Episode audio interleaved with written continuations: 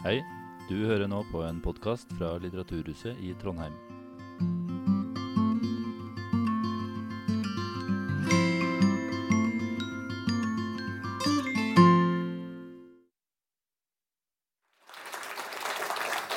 Sku Takk. Da er lyden på. Super. Eh, ja, veldig hyggelig at så mange er her og har lyst til å, å høre om Stefan Zweig. Så da tenker jeg bare starte med en gang. Innledende ord.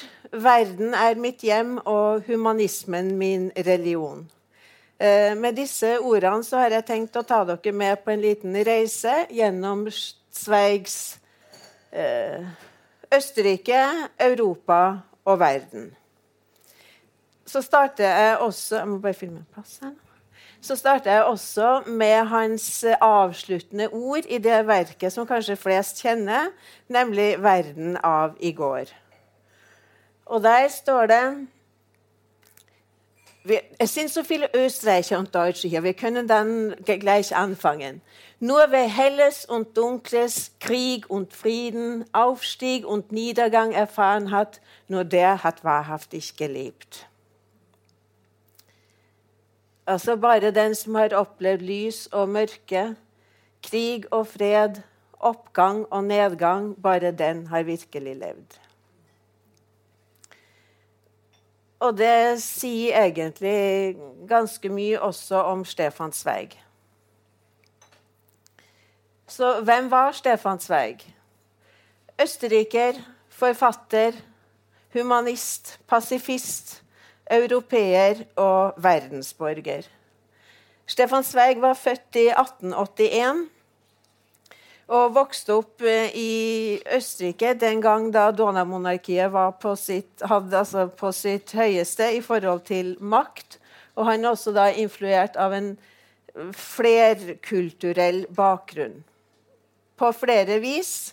For uh, faren var fra Meren. Mor fra Italia, fra italienske overklassen. Han hadde røtter i den jødiske kulturen.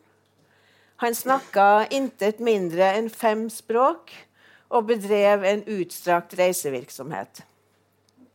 Så med den bakgrunnen pluss en, et enormt ønske om å se og oppleve verden, så former det her verdensomspennende, det paneuropeiske fredsidealet seg for Stefan Zweig, der hvor humanisme og toleranse er bærebjelken egentlig i hele hans livsfilosofi. Så han er ikke egentlig bare en forfatter, men også en fredsforkjemper, egentlig. Han vokser opp da i Wien, som den gangen var en multietnisk, multikulturell metropol.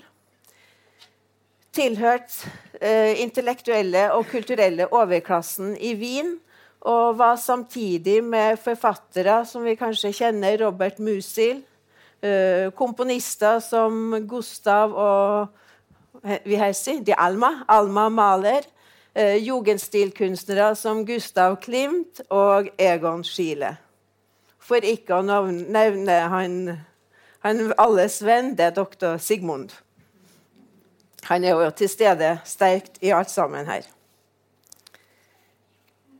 Det som kjennetegner Stefan Zweigs liv, er de enorme verdensomspennende omveltningene som skjer i det historiske bakteppet hvor han lever, før og mellom verdenskrigene.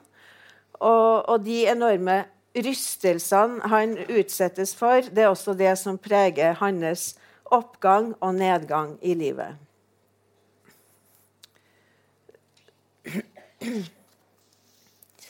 Og for de som kjenner historien hans, så er det egentlig det også som bringer han absolutt til grunne, slik at han Ja.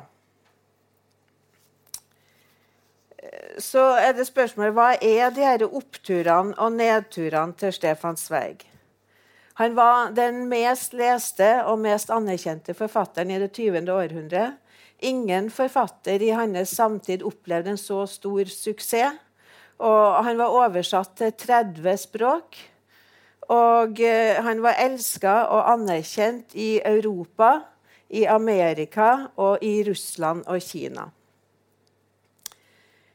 Til tross for denne enorme utbredelsen og anerkjennelsen så måtte også han, på samme måte som alle andre jødiske forfattere, oppleve å se sitt åndsverk brent på bålet og bli offer for flammenes rov. Første gang i 1933 i Berlin, og så i 1938 i Salzburg. De herre enorme omveltningene og Aufstieg und, und Untergang, egentlig, som han sier, preger kanskje ikke bare livet til Stefan Zweig, Hilfe. Ja. Lukas, du bist ja eigentlich mein Hilfe. Äh, jetzt geschieht nichts.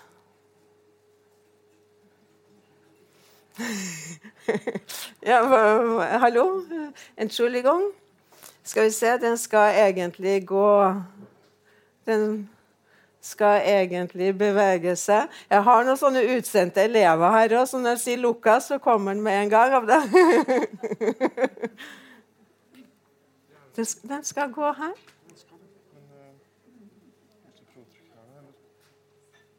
Vent, da. Kanskje Fikk du? Bort. Der. OK. Danke. Danke. Da das sind die tüchtigen Schüler. Eh, de store omveltningene eh, kjennetegner kanskje ikke bare livet hans, men også lynnet. For eh, her var det også prega av ambivalens og motstridende krefter. Så hvem var Stefan Zweig av menneske, i den grad vi kan si noen ting om det? Det sies at han var kvinnebedåreren som kanskje også hadde et godt øye til menn. Han var kattehater og hundeelsker. Han var en vennskapens geni og en nettverksbygger og en uklanderlig vert for store sammenkomster. Samtidig så elska han også og søkte mot ro og fred og stillhet og ensomt arbeid. Han var en uh, velstående, depressiv dandy som elska krokodilleskinnsko. Faktisk. Jeg har ikke sett noe Jeg har lett etter krokodilleskinnsko, men fant ikke. Men, uh, men det er tydelig dokumentert. Han var velbeslått. Uh, han var lidenskapelig samler av autografer og uh, førsteutkast av kunstneriske verk. Så han var en velbeslått mann som eide mye. Men samtidig så søkte han også frihet i ikke å eie mer enn det han kunne putte i to kofferter. Stefan Zweig var en sjelens arkeolog. En trøster for ensomme sjeler, men svært tilbakeholden omkring sitt eget jeg. Han var en en begeistra tilhenger av det tekniske framskrittet. Panamakanal, Suezkanal Alt det her sånn som muligheter som åpna verden og kontakten mellom nasjoner og mennesker over oseanene. I tillegg så, så er det litt viktig, for han sier jeg er forfatter og ikke politiker. Og det bedyrer Stefan Zweig egentlig i enhver sammenheng til enhver tid. Men så blir det også litt sånn motsetningsfylt, for han er faktisk den upolitiske forfatteren som sterkest av sine samtidige forfattere faktisk manifesterer et politisk ideal. Og det er den herre paneuropeiske tanken, der fred og toleranse, humanisme, er bærebjelken. Han, han eh, får faktisk kritikk uh, rundt uh, før og etter krigsutbrudd fordi at han ikke bruker sin posisjon sterkere enn det han burde gjort i forhold til å ytre seg politisk. Men det var et fast standpunkt han hadde. Men selvfølgelig, ikke minst, så er Stefan Zweig en lidenskapelig reiser. Han er rastløs og rotløs og, og ble kalt eh, 'det fligende Salzburger'. Og Allerede før første verdenskrig hadde brutt ut, så hadde Stefan Zweig hatt kortere og lengre opphold i Berlin, Paris, Milano, Verona, Palermo, i Algerie, i Belgia, i England, Skottland, India, Ceylon og Burma. I USA og Canada, Cuba, Puerto Rico, Haiti, Jamaica og Panama. Før første verdenskrig. Reisene selvfølgelig de gjenspeiler en enorm utforskertrang og et ønske om å se verden og mennesker og kulturene. Eh, men selvfølgelig må også tenke på at det var jo en mulighet han hadde som en velbeslått verdensborger å kunne foreta alle de reisene her. Men også det her at uh, han ved slutten av første verdenskrig ser forskjellen mellom det vidstrakte, det åpne verden, som, som bygger på den paneuropeiske tanken hans, som han ser egentlig også gå til grunne med de stengte grensene etter første verdenskrig, der man trenger visum og pass og identifikasjonspapirer og angst når man nærmer seg grensene pga. de strenge grensekontrollene.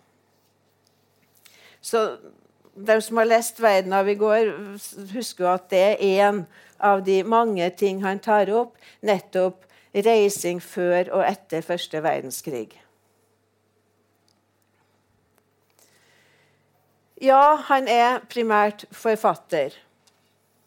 Så da vil jeg ta for meg en del, noen av uh, en del uh, sentrale verk han har skrevet. Forfatterskapet spenner jo vidt og bredt. Eh, både i forhold til eh, noveller der eh, mellommenneskelige relasjoner er tema, historiske verk, dikt og, og filosofiske tekster også.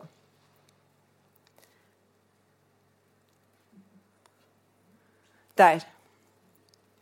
Dette er også egentlig en sånn liten leseanbefaling. Nå vet jeg ikke hvor mye dere har lest, men i går, takket være min datter, som er litt uh, begavet på det moderne feltet, så fant vi filmen eh, 'Brennendes Geheimnis'. Og den er, du, det er eh, Den handler egentlig om et lite guttebarn som bråvåkner til voksen verden, eh, som føler sviket fordi at mor hengir seg til den erotiske kjærligheten framfor den moderlige. Og, og, vi merker jo hele tida han ligger og vaker her. Det er doktor Sigmund. Sånn at det avsluttes jo egentlig eh, godt allikevel. For det her guttebarnet våkner da til den voksne verden. Og så bruker han vel Goethe sin siste strofe i diktet 'Erlkönig', um, alvekongen, hvor det står 'Das Kind ist tot'. Så ble gutten en mann. Men denne um, den må dere absolutt se. Um, 'Angst' er også en, en novelle uh, som uh, er typisk uh, sveigsk i denne si, fasen av, av forfatterskapet. Han vil jo dobbeltmoralen til livs. Og alt som er frihetshemmende og kjærlighetsdempende. Og han tar også alltid kvinnens parti. Og denne protagonisten um, eller det ser man, da, fordi at han, hun, den ektemannen hun er gift med, han blir så autoritær og tyrannisk og, og brutalt og avstraffende beskrevet at uh, jeg tror ikke nødvendigvis at det innbyr til noen utenomekteskapelige affærer dersom man har en, en slik uh, mann.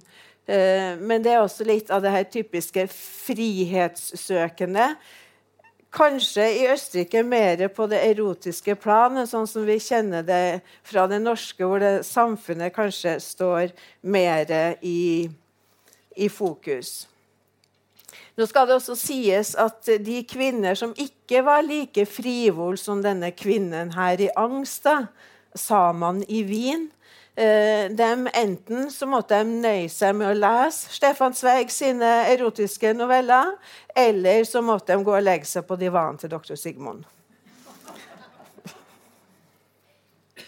Men altså, ikke, ikke, for å forkleine noe sånt. For, altså, Sigmund Freud og, og, Stefan Zweig, og det kan vi se i det neste, som heter 'Forvirrung der Gefühle', uh, i 'Følelsens vold' på norsk, den handler om undertrykt homofil kjærlighet mellom en ung student og den aldrende, kuede professoren. Eh, den første utgaven her den skrev den i 26. Den sendte den faktisk til Sigmund Freud og dedikerte den til eh, en, en stor beundrer. da. Uh, Sigmund Freud leste den med ivrig interesse og begeistring og responderte etterpå jeg kunne ikke ha skrevet den bedre selv. Så det, det er den sida ved forfatterskapet til Stefan Zweig. Eh, men det er langt flere. Så, så vil jeg vise også noen andre. Og det, da er vi mer på det historiske, for han har, han har, også skapt ganske mange historiske portrett av historiske personer. Uh, Stefan Zweig syntes det var litt urettferdig at Marie Antoinette utelukkende skulle bli huska for sitatet 'Hvorfor kan de ikke spise kake?' For uh, hun var jo faktisk et ledd i Maria Theresias forsvarspolitikk, som gikk ut på å gifte bort sine barn til potensielt fiendtlige nabostater. Og da husker mine elever hva man kalte de Maria Therese. Si hva de svigermota Europas. Så det er ikke for ingenting at de kalte henne det. Og Dessuten så ble jo Marie Antoinettes skjebne ikke bare å miste sitt hode under giljotin, men også uh, å være forutbestemt til i en alder av elleve år og skal bli bortgifta med kanskje den noe evneveike Ludvig den 16. for å forene borbonerne og habsburgernes makt. Så det er også en side ved Stefan Zweig. Så har det Stenstunden der Menschheit, som eh, heter på norsk 'Evige øyeblikk'. Tar for seg faktisk de skjebnesvangre minuttene i enkeltmenneskers liv som blir avgjørende for, for verdenshistorien. Her møter vi mm, Columbus, Cicero, Napoleon, store kjempere, men også bl.a. Goethe. Jeg tror det skjebnesvangre øyeblikket han skildrer i Goethes liv, det er når han i Goethe, altså i en alder av 75 eh, forelsker seg hodestups i en jente på 17 Uh, og gjør kur til henne og vil gifte seg med og får selvfølgelig avslag. Men kanskje helst pga. mora, for han har beila mora tidligere. Men i hvert fall så skapes det de, de vakreste kjærlighetsdikt av Goethe i den alder av 75 år. Til sist i Marienbader elegi. Kjenner du ikke? Så, så det, men, men alt dette her er det er den mangslungne Stefan Zweig. Jeg vet ikke om noen av dere har sett siste filmatisering. Den kom i fjor. Vil antagelig komme nå på strømmetjeneste i mars her i Norge. Det er sjakknovelle. Den, hm, ja, den skreven i Den kom, utkom 42 posthum, og den skreven i Brasil i sitt siste eksil. da. Der er arenaen en annen. Krigen har brutt ut. Arenaen er Hotell Europa i Wien, Gestapo-hovedkvarteret. Eh, her er handlinga egentlig hvordan en innsatt greier å bevare forstanden ved å bruke intellektet til å, til å memorere sjakkspill. Uh, så går novella videre også på, på dampskip, og da er det igjen hvordan Gestapos torturmetoder aldri kan gi slipp på et menneske. Så det her er et, lit, et lite knippe av Stefan Zweigs uh, forfatterskap. Selvfølgelig mange flere titler, også masse essays osv. Men det her er de litterære verkene som jeg tror kanskje er også mest kjent her i Norge. Ja, den, den Sternstunden der Menschheit den, den, var et must i enhver bokhylle til enhver tid. og var en sånn typisk konfirmasjonsgave sammen på, på Sveigs tid. Hvis det er noen som har konfirmanter snart rundt omkring.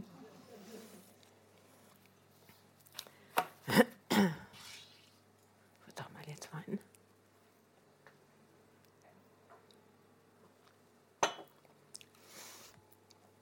Ja, hvem kjenner Wien? Das ist Wien. Die Kärntnerstraße 1900. Uh, og her uh, Jeg har jo ti heldige elever her som snart skal til Wien, så da mister god schauen. Um, sånn at uh, det her er Wien 1900, også i dag uh, mest travle handle-, innkjøpsgate, hovedgate i Wien, som går fra, oper, uh, fra operaen og ned til Stefansdom. Ja. Kjenner jeg igjen? Ja. ja. så hvorfor har jeg dette bildet nå? Jo, det står også 'Mein drei Leben'. Og det var arbeidstittelen til Stefan Zweigs verk, det store, kjente 'Verden av i går'. Og det indikerer de tre livsfasene egentlig Stefan Zweig mm, sier selv at han har opplevd. Og Den første er barndommen i Wien. Her skildrer han en barndom som hans foreldregenerasjon skildrer, og han kaller det 'die Welt der Sicherheit'. Fordi foreldrene satt trygt i sine velutstyrte gemakker, godt beskytta av god økonomi og uanfekta av politiske hendelser. De hadde en klokketro på en evig tilstand av ubekymra livsnytelse. Og det var ingenting som kunne forstyrre den trygge eksistensen. De trodde ikke på krig og revolusjon og omveltninger, for de levde jo i fornuftens tidsalder. Og uh, I tillegg så var de jo overbeviste habsburgere og det vil si at døde keiseren, så levde de i trygg visshet om at det sto en ny keiser parat til å lede folket og nasjonen. Dette er foreldregenerasjonen til Stefan Zweig. Og slik levde faktisk 10 000-20 000 familier av jødisk opprinnelse i det wieneriske borgerskapet. Og de sto jo for mye av den kulturelle og intellektuelle og økonomiske utviklinga i Wien på tida her. Og da handler det ikke bare om det som skjer i Wien, men den retningen egentlig i kulturhistorien som heter 'De Wiener moderne'. Stefan Zweig skriver som takk for at jødene hadde tilført Wiens kultur så store verdier, ble de fullstendig utryddet.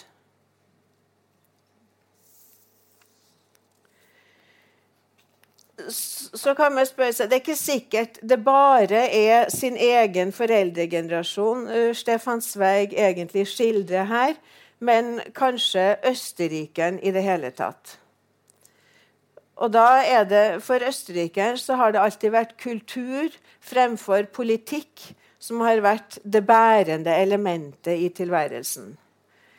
Eh, kan hende man kjenner 'jedenfalls meine Schüler kennen das'. Also, äh, Hva hat man gesagt? Die Österreicher führen keinen Krieg, sie heiraten und tanzen.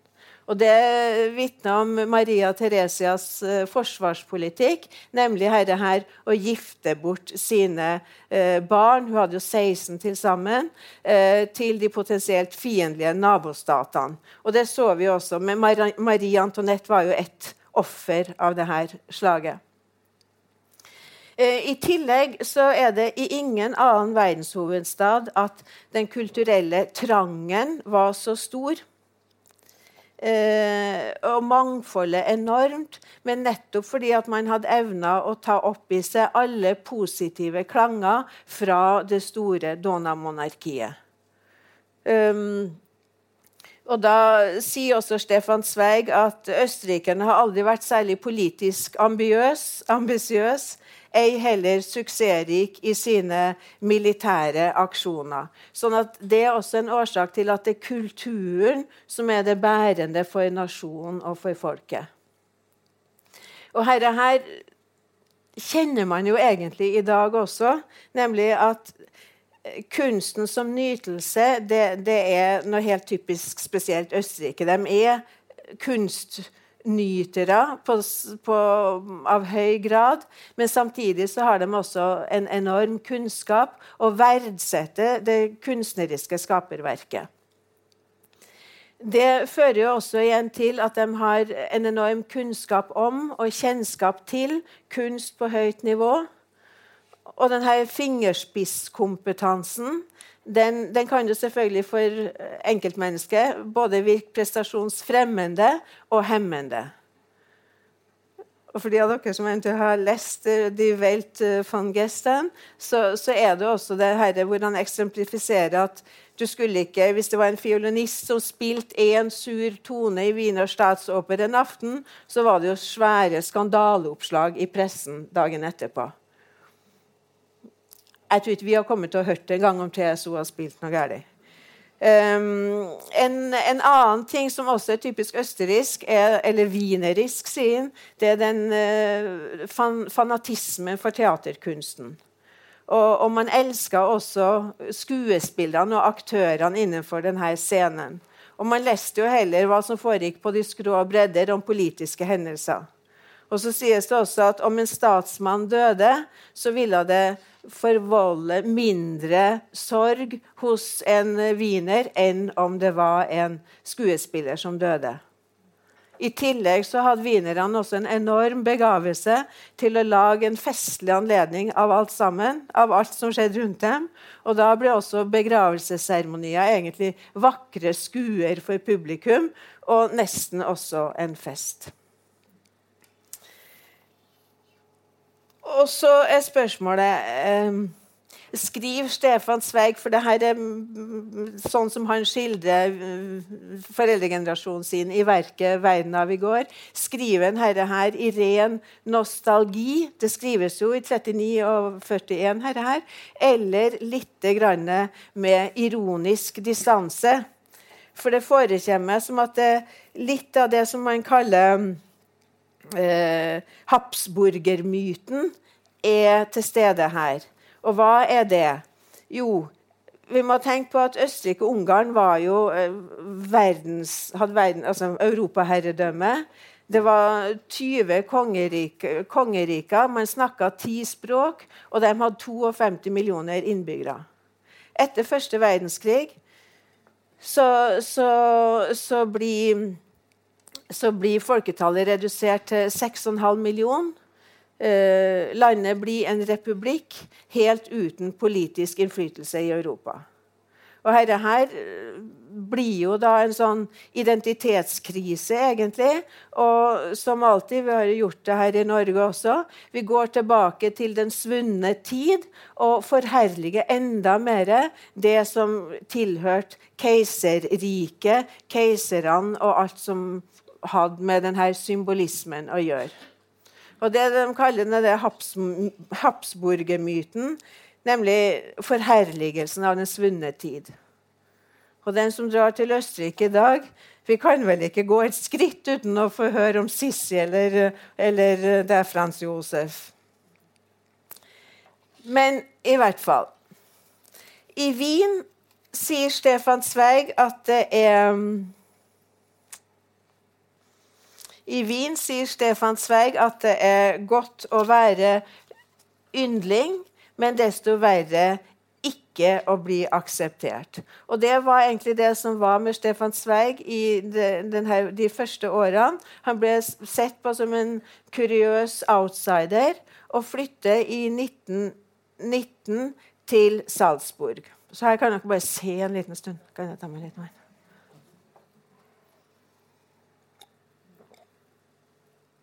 Vi skulle jo egentlig dit. Mm. Dette er Salzburg. Kjennemerket til Salzburg ser dere sikkert. Det er Hån Salzburg. Og rett på motsatt side her og litt lenger opp, når man går alle trappene opp, så kommer man til Persingersløssel. Her bodde Stefan Zweig fra 1919 og til 1934. Han flytta hit sammen med sin første kone, eh, Fridrikke von Winternitz, og hennes to barn. Og det er egentlig denne perioden i Salzburg som kalles den eh, suksessrike, altså Effolks tid, suksessårene i, i, i, livet hans, egentlig. Eh, på folkemunne så kalte de Persingers Sløssel for Villa Europa. For her møttes intellektuelle av, fra hele verden for nettopp å diskutere bl.a. sikkert den paneuropeiske tanke og hvordan man skulle utbrede den. Men også i, i, i Salzburg så blir livet prega av det motsetningsfylte sveigske. Han har suksess. Samtidig så er han i nærheten av München og begynner å ane eh, antisemittiske opptøyer. Og det er herfra, da, fra den byen som egentlig blir hans hjemby mer enn Wien, at han flykter.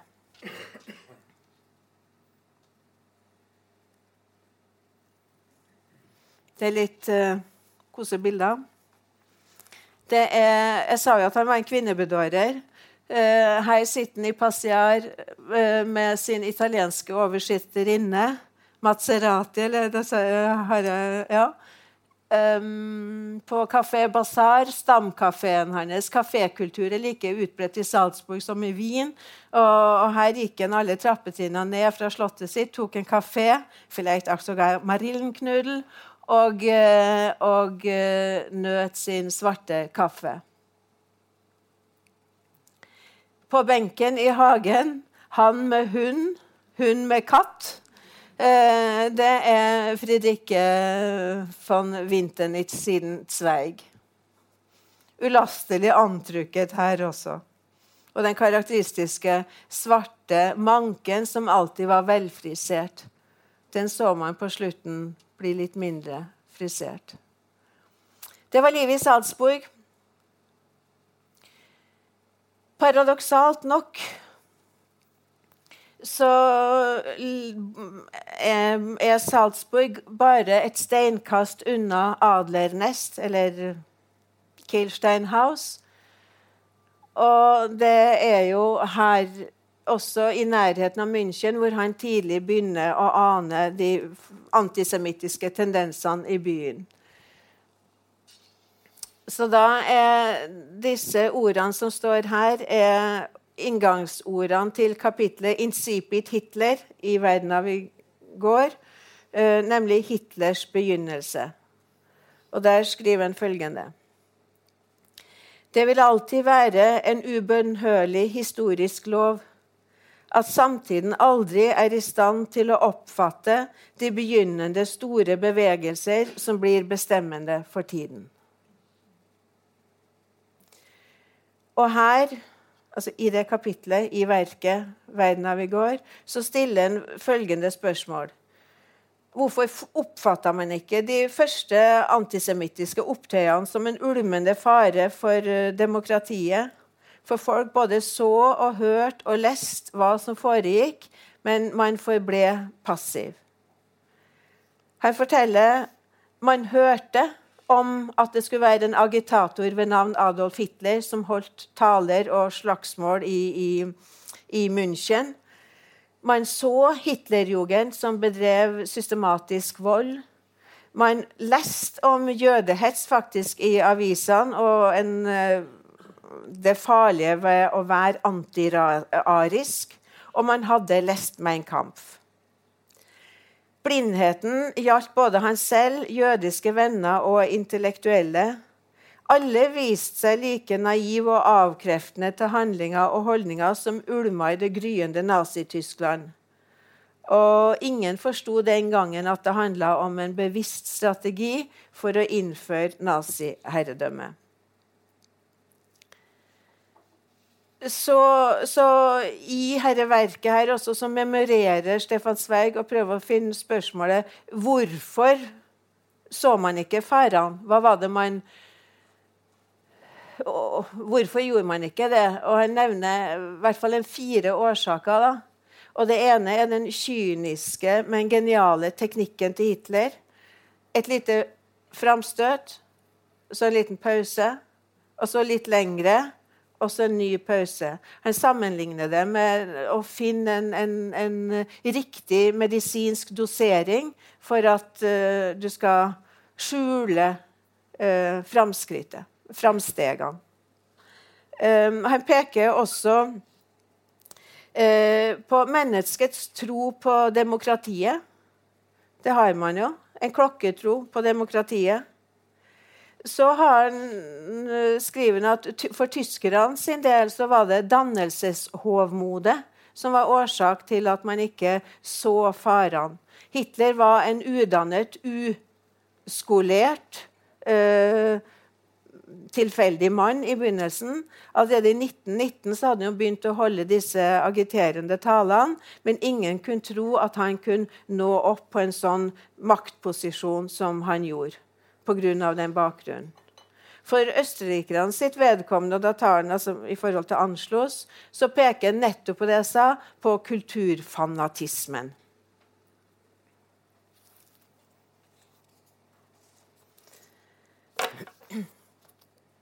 Men like fullt, Stefan Zweig forblir her i Salzburg fram til eh, eh, framover her nå. Men først i 33 så begynner han å stille seg litt kritisk til at man ikke Eller til at Østerrike, Tyskland, verden ikke stiller seg kritisk til de antisemittiske fullmaktslovene.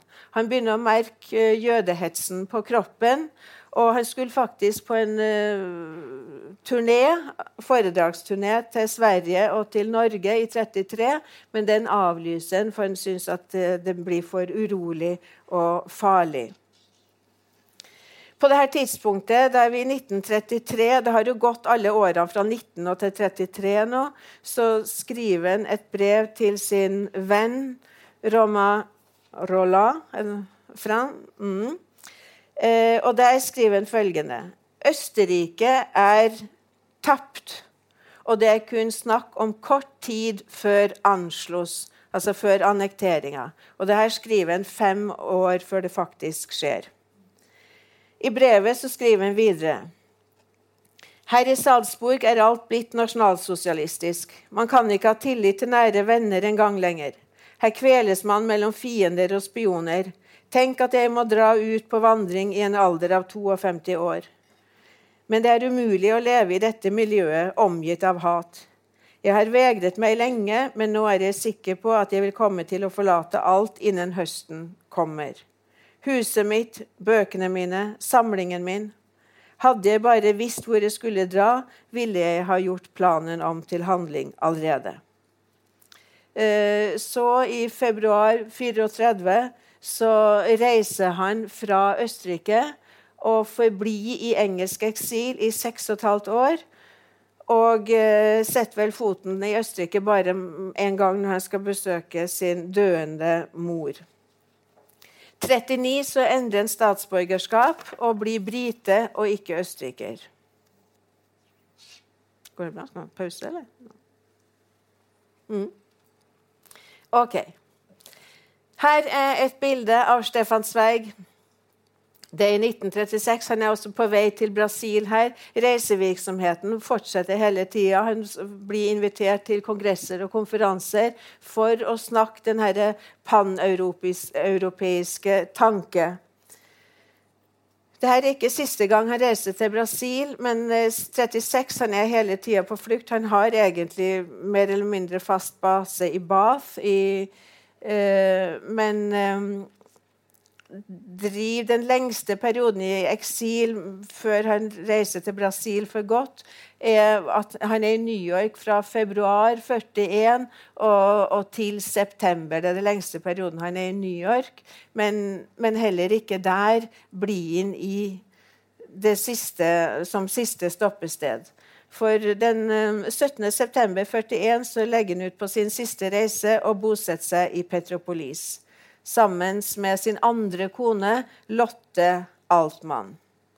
De siste årene i Stefan Zweigs liv er prega av fortvilelse over å se verden i krig. Han er rastløs og hjemløs, og han er ikke lenger i stand til å slå rot og søke tilflukt i sitt arbeid.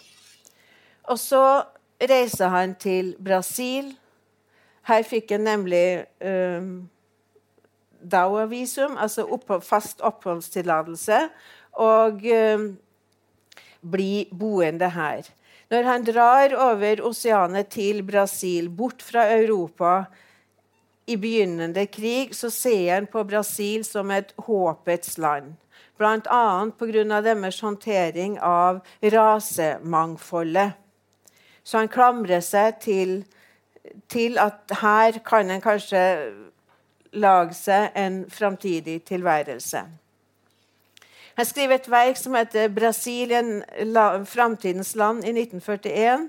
Og her skriver han følgende mens vi i vår verden sterkere enn noensinne hersker, eh, mens det i vår verden hersker den vranglæren å avle opp mennesker i den reneste rase, som veddeløpshester eller hunder, støtter den brasilianske nasjon seg i århundrer på prinsippet om fri og uhemmet blanding. Den absolutte likestilling mellom svart og hvit, brun og gul. Det er riktignok skrevet i 41. Han ser vel litt bort fra kolonialismens tidsalder, men allikevel et intenst håp han hadde sjøl.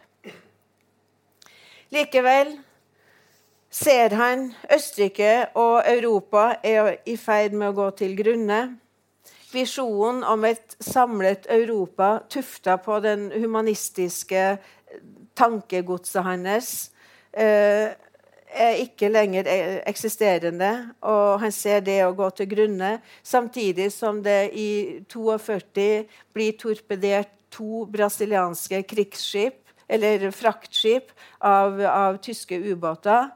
Og da ser han at også krigen har kommet til Brasil. Og da den 23. Eh, februar i 42 uh, utpå formiddagen så blir Stefan Zweig og hans kone Lotte Altmann funnet død i sin bolig i Petropolis. Uh, fire dager før døden inntraff, så skriver han til sin venn Sie wissen, wie sehr ich des Lebens müde war seitdem ich meine Heimat Österreich verloren hatte. Fire dager tidligere. Så det er den sterke hjemløsheten. Han etterlater seg også et avskjedsbrev. Vet ikke om noen har sett det. Det er, det er hans håndskrift. Det finnes i mange utgaver med overstrykninger osv. Um, hvor han uh, skriver at han har tatt avskjed med livet av fri vilje og med klar bevissthet. Og han ønsker å oppfylle sin siste plikt, nemlig å takke det vidunderlige landet Brasil for å ha muliggjort en ny eksistens for ham, men han hadde ikke lenger krefter til å starte et nytt liv. Og så er det de siste vakre ordene, nemlig Mögen Sie die Morgenröte noch sehen nach der langen Nacht. Ich, allzu ungeduldiger, gehe Ihnen voraus. Måtte de se morgenrøden etter en lang natt. Jeg, altfor utålmodige, går i forveien.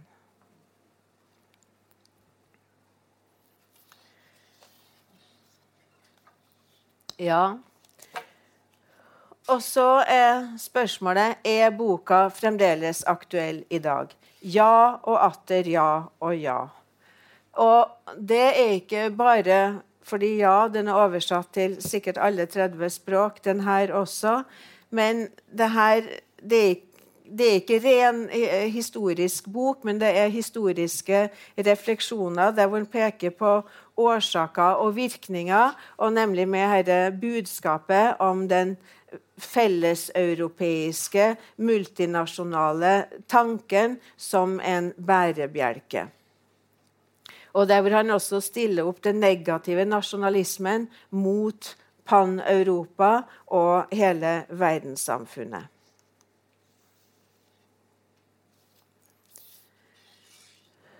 Ja, aktuell. Det er nesten Det skjer altfor mye. Dette bildet ble tatt fra kjøkkenet vårt den 20. februar. Etter det har det også skjedd altfor mye. Siste ukers hendelser har på nytt satt verden i beredskap. Desinformasjon og informasjon, framrykninger, tilbaketrekninger og diplomater som flyr til Moskva og til verdens hovedsteder for å møtes i sterk håp om at eh, diplomatiet skal berge verdensfreden. Men slik ble det ikke at diplomati og dialog og demokratiet seira. Likevel, disse den perioden vi hadde før 24., minner umiskjennelig om Stefan Zweigs skildringer av sommeren 1939, når Chamberlain på samme måte flyr til Berlin i forsøk på å skape fred og dialog med Hitler. Eh, samtidig som at befolkningen merker forberedelsene til en mulig krig med gassmasker som eh, deles ut, og som prøves, nye tilfluktsrom som graves ut. Jeg vil også egentlig lese et lite eh, utdrag fra 'Verden av i går' i denne perioden hvor Stefan Zweig skriver Aldri i mitt liv hadde jeg hatt en grusommere følelse av menneskets avmakt mot verdensutviklingen vergeløs som en flue, maktesløs som en snegl, mens det gjaldt liv og død, gjaldt mitt innerste jeg og min framtid. Gjaldt tankene mine som ble til i min hjerne, mine fødte og ufødte planer, min dag og min natt, min vilje og min eiendom, hele min tilværelse. Der satt den som en dømt i en celle og ventet og stirret ut i det tomme rom, innsmurt og lenkebundet i denne uopphørlige ventingen mens kulen på diplomatiets rulettskive rullet ubeslettsomt fram og tilbake med nervepirrende langsomhet. Fram og tilbake, fram og tilbake, svart og rødt og rødt og svart. Så ja, den er aktuell av det. Den er også aktuell av at uh, verden av i går også handler veldig mye om eksilliv og de konsekvensene av livet i eksil. Stefan Zweig sine beretninger er veldig sammenfallende med uh, filosofen Hanna Arendt sine te teorier om uh, denne problematiske eksiltilværelsen og de kriteriene man mister som flyktning til å ha muligheten til å innlemme seg i et samfunn og bli en aktiv del av det. Her handler det om aksept og tilhørighet, fortrolighet og beskyttelse. Så Derfor så mener jeg at Stefan Zweig sin, sitt verk ikke bare nødvendigvis handler om hans opplevelse og følelse av, av livet i eksil, men at det har allmenngyldig karakter. Han beskriver livet i eksil som en konstant nervepirrende tilstand av hjemløshet, av tomhet, av at livet er bygd på provisoriske innretninger og usikkerhet. Og Allerede i 1934 så sier han det kjente sitatet 'Ikke høre nirgens med hin'. Tilhører ingen steder lenger. Å stadig være omgitt av fremmede, alltid være gjest, og ikke inneha demokratiske rettigheter i form av statsborgerskap, ei heller ta, snakke det talte språk i landet, hindrer en i å ta aktivt del i samfunnet og ha en stemme. Selv forsto jeg smertelig at ved å miste mitt pass, så mister jeg mer enn et stykke jord. Stefan Zweig forteller også at opplevelsen av meningsløshet i tilværelsen forsterkes ved at alt han tidligere hadde prøvd og gjort og lært og nytt, var lærdom som ble bare viska ut, og som var fånyttes, og som han ikke kunne bygge noe på. Han sto helt på bar bakke. Han skriver da, et av de siste årene, 'Jeg er nå en utmattet sjel. Ja, at Stefan Zweigs litteratur er mer enn bare litteratur, men at det har eh, greid å skape forbindelseslinjene mellom kunst og politikk, det ble bekrefta i 2019, da hans navn ga opphav til et av byggene i Brussel, i EU-parlamentet i Brussel, som heter nå Stefan Zweig Gebäude. For altså, han, han, sier jo han er ikke politiker, men allikevel så reflekterer han jo hele tida de historiske uh, problemstillingene som han bruker til å analysere verden og for å prøve å skape en verden som er bedre enn den man har opplevd her. Stefan Zweig går tilbake i historien sin for å prøve å finne årsaken til at nasjonalsosialismen kunne vokse så sterk og innflytelsesrik.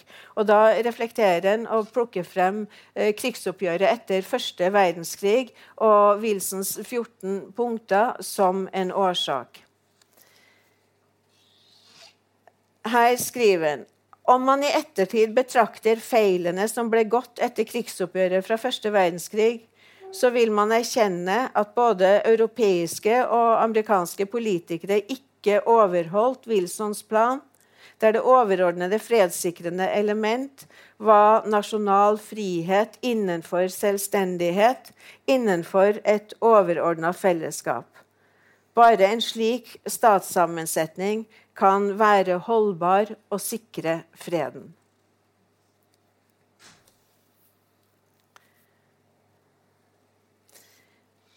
Stefan Zweig er aktuell også fordi at han skrev verket for å vise den generasjonen som ikke har gjennomlevd krigen, hvordan verden en gang var, hvordan den ble, og hvordan den bør være.